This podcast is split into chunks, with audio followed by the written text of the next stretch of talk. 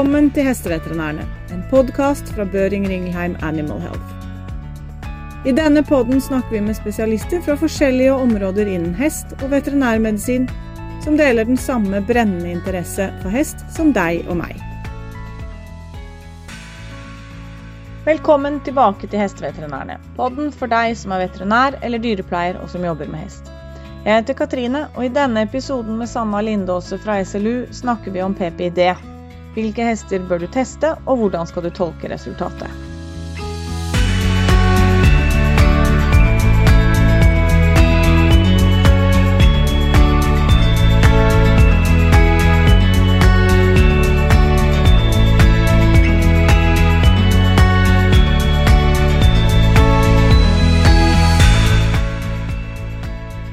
Welcome back to the podcast, Sanna.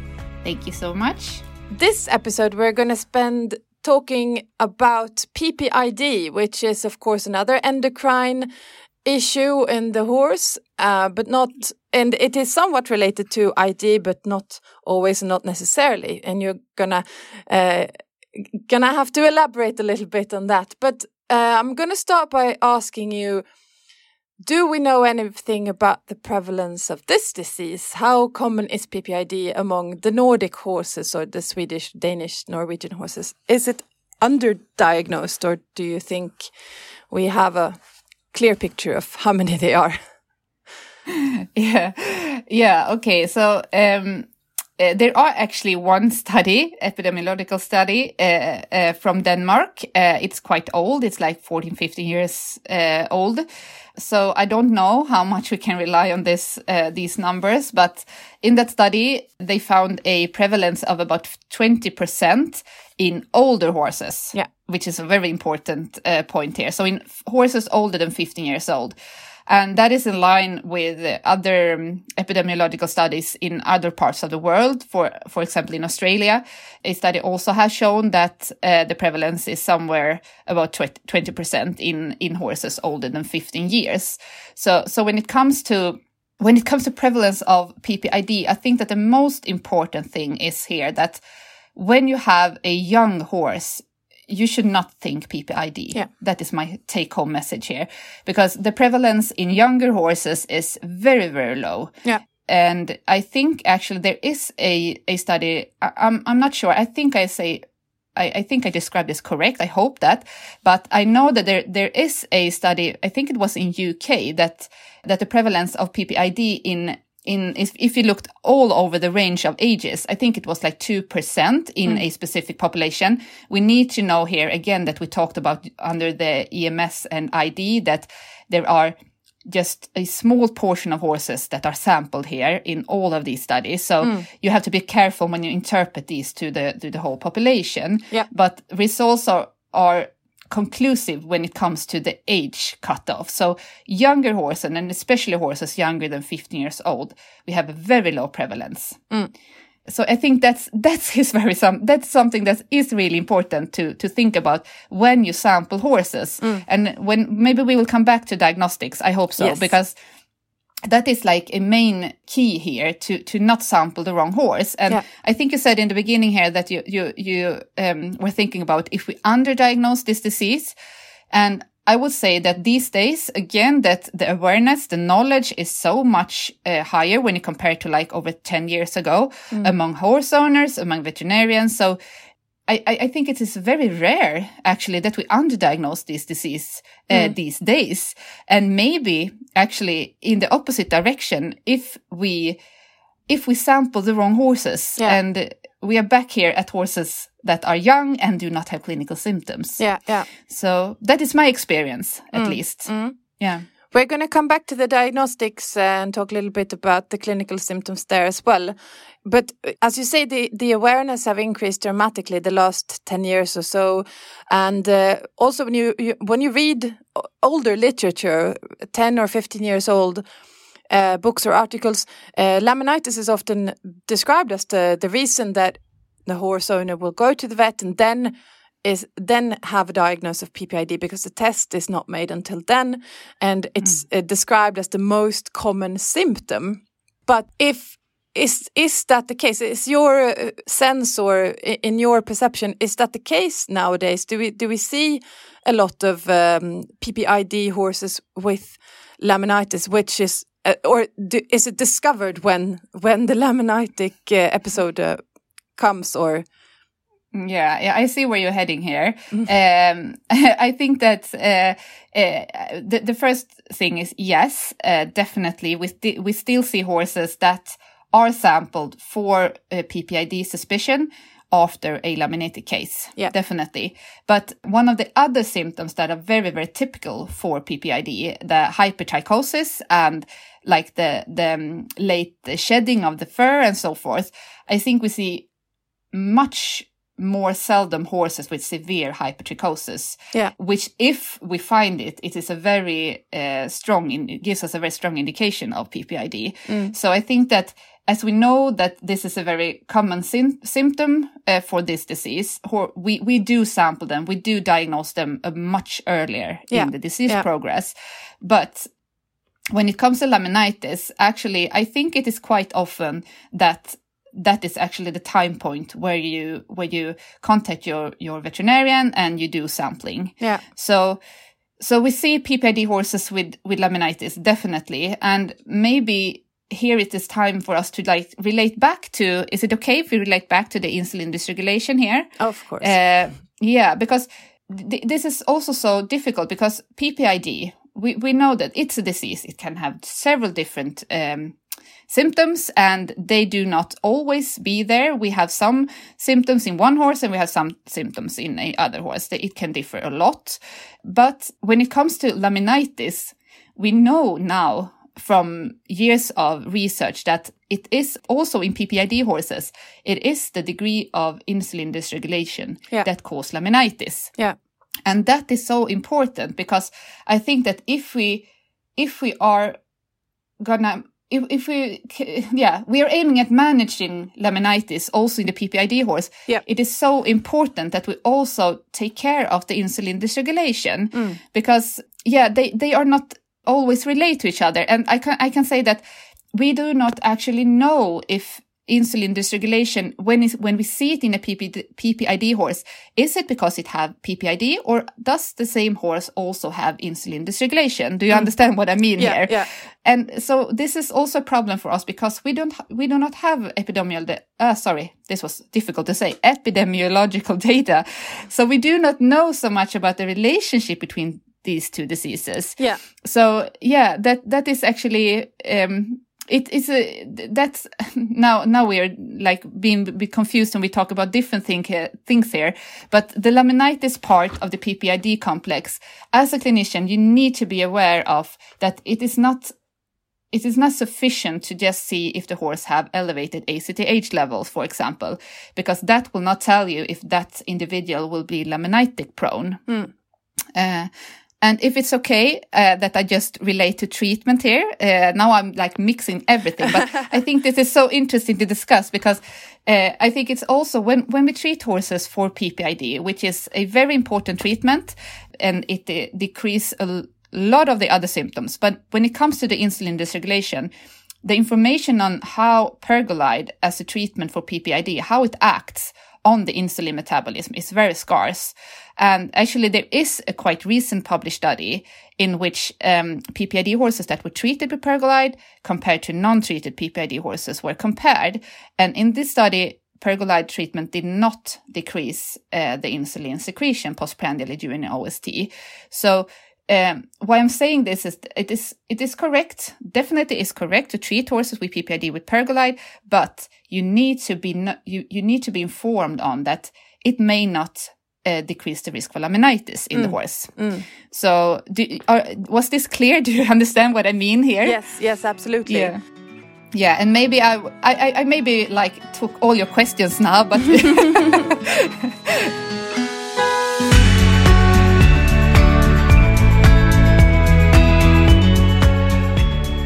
No, but I was still going to come come into that part about um, the connection between ID and PPID because I, uh, if there's one thing that I know is that we don't know that much.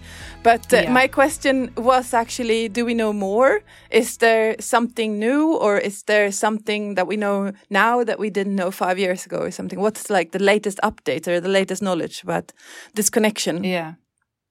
Yeah, uh, I think it's it is a very tricky question again, but I think we we can at least say that ID is frequently absorbed, uh, oh, sorry, observed in horses with PPID.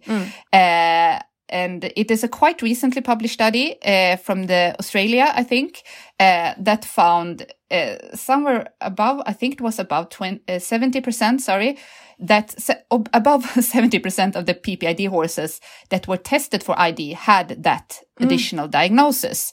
So, uh, it is, it is common, but again, I cannot say that it is a part of PPID or that we have two different uh, distinct endocrine disorders here. It just happened to Uh, be in the same individual. Yeah, or- because you know, or PPID, have the same predisposed, uh, Yeah. Yeah. yeah, it's so much that we don't know here, and and it's so it's very frustrating. And uh, and and if we and we just look if uh, okay, we have a horse with with PPID. That horse is uh, older, and this is like a progressive disease. So it is not unlikely that this horse may have had a low degree of insulin dysregulation that has been worsened during the years, and then PPID develops, uh, you know, and and it's like it just go on, uh, and I think what I would really like to see is like a big, uh, this is like a wish, but uh, I know that the, the reason that we don't have it is like, it is so, it is so expensive and so difficult to perform these long-term epidemiological studies. But if I can have, if, if I could have a wish, it would be so interesting to like start for for one, if, if I, I will try to describe like how, how I would have liked to do it. so to start to follow horses when they are young, uh, let's say like big big uh, herd of horses, and the best would have been like multi-center study, so that this was performed in many different countries and so forth. So that we start sampling horses before they develop disease, and then we continue to follow these horses for years and years and years and see what is happening over like from start to like 20 years old horses you mm. know because that is the only only thing that can gives us more information about how these these diseases develop and how they Yeah. relate to each other yeah. So um yeah it, it yeah so we, we are a bit struggling in the dark here if you compare to like human diabetes research these types of studies are very very commonly performed Yeah, but yeah. as you can see it's like extremely expensive Yeah. to perform this study so yeah so again uh unfortunately i can't say so much about the the, the recent uh, knowledge about the connection but i think at least it is it is important for a clinician to know that many PPID horses have ID, independent of the correlation between those two, and that we need to handle the insulin dysregulation more as a separate problem. Yeah. So we do not forget about that problem and Yeah. just treat like the, the other PPID symptoms. Yeah. So I guess the take home message there would be do both tests. Test Yeah. for if you if you have a positive PPID horse then test for ID as well or Exactly. And if you, if you have a maybe we can come back to that, but, uh, or, or we can take it now because I think it is important to, to have that in mind so that if you have, for example, if you have a horse that is laminitic, it, uh, so you, you are sampling the horse due to the fact that this horse have had laminitis. And if that horse do not have any other symptoms that correlate to PPID, uh, I would say that it is wrong to only take a ACTH sample. If the horse is older, you should definitely do it. Absolutely. But you also need to perform some kind of test for um, investigation of insulin dysregulation.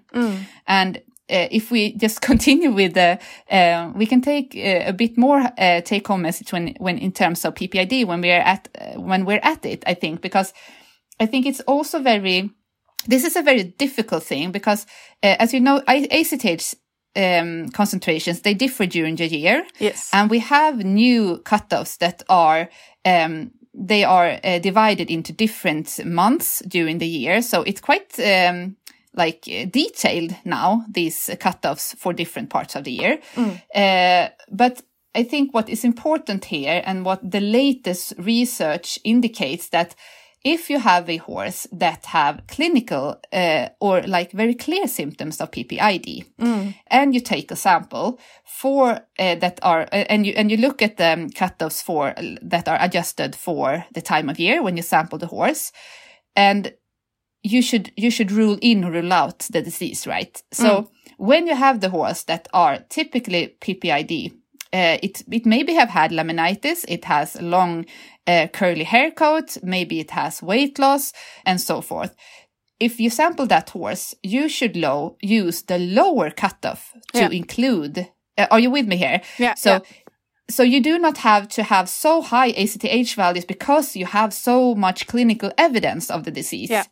But on the other hand, if you have a horse that you sample just for the sake of laminitis, mm. you need to have much higher levels to rule in that disease in that specific horse. So then you have to go to the other range of mm. the, the cutoffs. Yeah. So that is the, it is important how we interpret these results. So mm. that is also a take home take home message for to the clinicians that use ACTH for sampling. So speaking about the diagnostics, because I mean, ACTH is by far the most uh, common uh, test, I would say, in Scandinavia at least. Uh, mm. But there are these TRH uh, stimulation tests. Um, yeah. Uh, can you just shortly explain wh what is that and uh, do we perform it? Do you perform it in, in your clinic and how is it done? Yeah, that's a question that I'm not the best suited person to to answer because I have never performed a TRH stim test, and the reason is that uh, TRH is not a registered drug in Sweden, so we are, according to our legislations, not allowed to perform uh, TRH stim tests. So um, that is, I, am not at all familiar to that test, and I don't know actually about the situation in the other Scandinavian countries. Do Do you know if they use TRH stim tests in uh, Denmark, for example? I wouldn't know, but I do know that it it has been performed as a um, how do you say if you if you can't be sure if the ACTH test fails for some reason or yeah so on. I I mean exactly. But, it's like the next step to take. Uh, yeah. we also have the dex dexamethasone suppression tests. Yeah. Uh, and I think that test is not at all used a lot. And you know it's not very nice to to uh, give uh, corticosteroids to a horse that you are um, afraid for laminitis. No. uh, so uh, I think that is one reason why why uh, dexamethasone suppression tests are not being used so much. But as as you said in the beginning here, I think that the vast majority of clinicians rely on ACTH blood sampling for diagnosis of PPID. And actually, you know, every time that we have like a tons of different tests to use, that is because we do not have one single good one. Yeah. and the best way of diagnosing PPID is like a postmortem post-mortem examination yeah. of the uh, of the brain. So and that is not very nice uh, for the horse. So so we we need to we need to have something to, to rely on uh, other. And uh, I, I i would say that acth is it is convenient to perform. And if you know how to if you know how to interpret the test uh, the test results i think actually that you come very very far with using that test. Yeah and I think actually that it is very, the ACTH blood sampling is the most used test worldwide, I would guess. And I yeah. actually think that. And there is actually a quite newly published study from Australia, I think it was. And they had like over 90, 95% of the horses that were included in that study were included based on ACTH and only like 3% or so with TRH mm. stim tests. Yeah. So, yeah. So I think, yeah, I think you come far with ACTH blood sampling, but you need to know how to interpret these cutoffs and yeah. to only sample the the horse that you have a clear suspicion of because we know that ACTH is can be secreted due to stress due to pain and yeah we we have so many yeah that can blur this this up mm. yeah so always in conjunction then with the clinical signs, of course. Yeah, I would say, yeah. Is there anything else you you'd like to add around this uh, diagnostics uh, the issue? Because there, I mean, there's a lot we could say about it, but it it generally comes down to quite simple uh, rules of thumb, or you know. Yeah, yeah, but I I think that you can, as a clinician working with PPID patient, I think that it is important to remember that uh, it is not many times it is not an acute disease, if you know what I mean. So if if the horse is not like extremely laminitic prone, the it is not it is not a rush to put the horse on pergolide treatment. Mm. Uh, so be calm, like take one step at a time, evaluate both um, ACTH or whatever test you use, as well as insulin dysregulation. And if the horse is not laminitic prone and it's not uh, uh, show any um, diagnostic test that uh, indicate insulin dysregulation, then it is not a rush because Mm. I think that as we have these insecurenesses with the diagnostic methods and ACTH, absolutely, it is better, I think, to um, like stay put and uh, retake a sample in a couple of months and see where are we going here? Are we going up? Are we going down? Yeah. Are we so so? Ha, like take it easy. I think that is uh, one thing that I just can add. Mm, yeah. mm. It's not an acute uh, disease in that sense. No, many times, no, actually not. So, uh, and we, we talk about life-term treatment. We talk about a quite expensive treatment. So before we go there, I would, before I put the horse on treatment, I really want to know that this horse really are uh, a PPID horse. Yeah. So I think, uh, yeah, there is a lot to say about the PPID subject as well. But uh, as we have other topics to to cover, um, Yeah. we should probably move on, even if it's very interesting. Um, so in the next episode, we're going to talk about more about management, and that's a very important part when it comes to these horses. Of course, both um, especially when they, we talk about the insulin dysregulated uh, individuals. Uh, so thank you so much for this uh, for this session, and uh, talk to you soon again. Yeah. See you. Bye. Tusen takk for at du lytter til Hesteveterinærene. Hvis du liker det du hører, glem ikke å trykke følger eller lignende i podkastappen din, slik at du ikke går glipp av en eneste episode. Fortell også gjerne om hva du syns ved å gi en tilbakemelding. Vi tar også gjerne imot tips om kommende gjester og emner. Kontaktinformasjonen vår finner du i beskrivelsen av podden. Vi høres snart!